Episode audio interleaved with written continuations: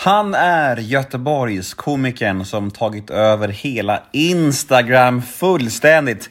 Med hundratusentals följare och en otrolig känsla för att göra humor av samtidsfenomen så har han blivit namnet på allas läppar.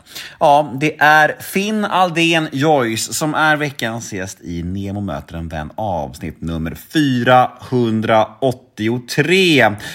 Och eh, ja, jag vet ju att jag lovade info om den stundande livepodden i detta avsnitt. Men tyvärr är det lite förseningar med det här nu, men jag kan faktiskt ta gift på att i nästa veckas avsnitt så kommer all info. Det har ni mitt ord på nu och eh, jag skulle aldrig bryta mitt ord.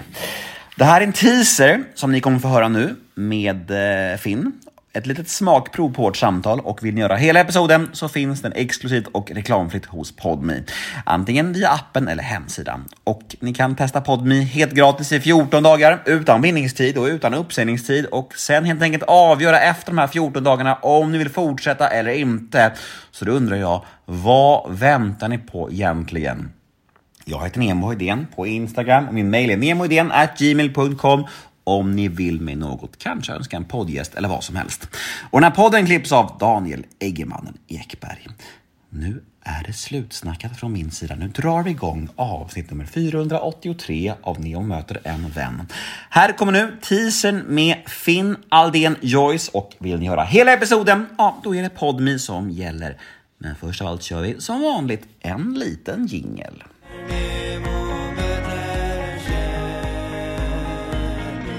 Har du någon slags filter där? Har du något bollplank som du bollar med? Eller hur ser det ut, processen? Ja, det finns väl mycket tankar och idéer som inte klarar the cut liksom och blir en sketch. Och vad är the cut?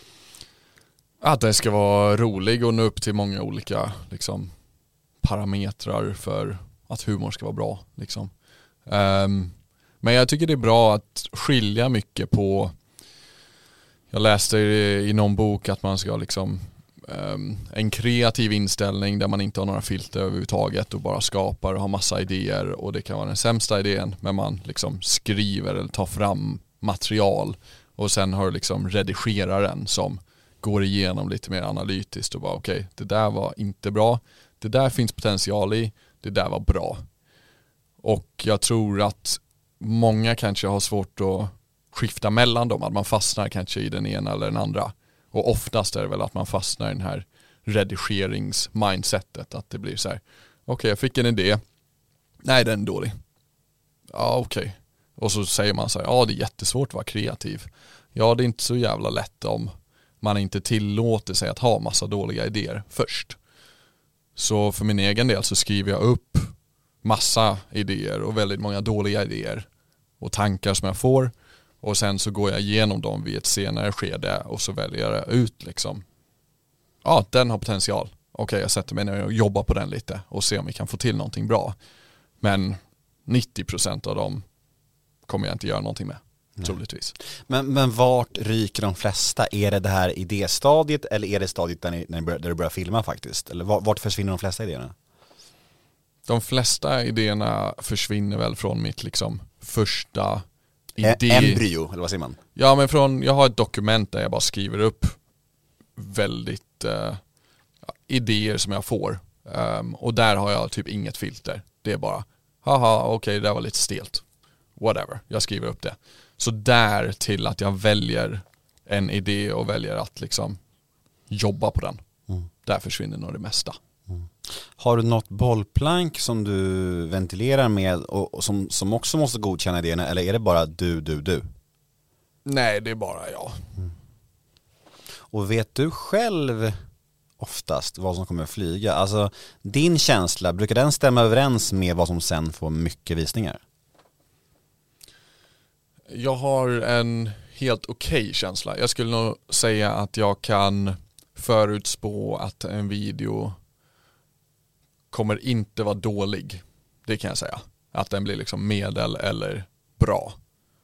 Och så kan jag känna kanske den här blir medel eller dålig. Mm. Typ så. Men det är svårt att veta. Man, jag blir ändå överraskad ganska ofta. Att så här, en video är det som jag tycker är så här, helt okej, okay, går jättebra. Men det, det händer nog inte att en video är det som jag känner, det här kommer gå riktigt bra. Att den går riktigt dålig.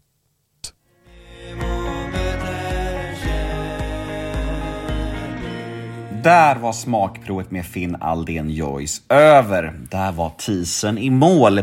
Så himla trist, jag förstår det. Men vet ni vad? Det finns en lösning. Gå in på podme.com eller ladda ner podme appen för där finns fullängdaren av denna episod. Bra va? Vi hörs på podme.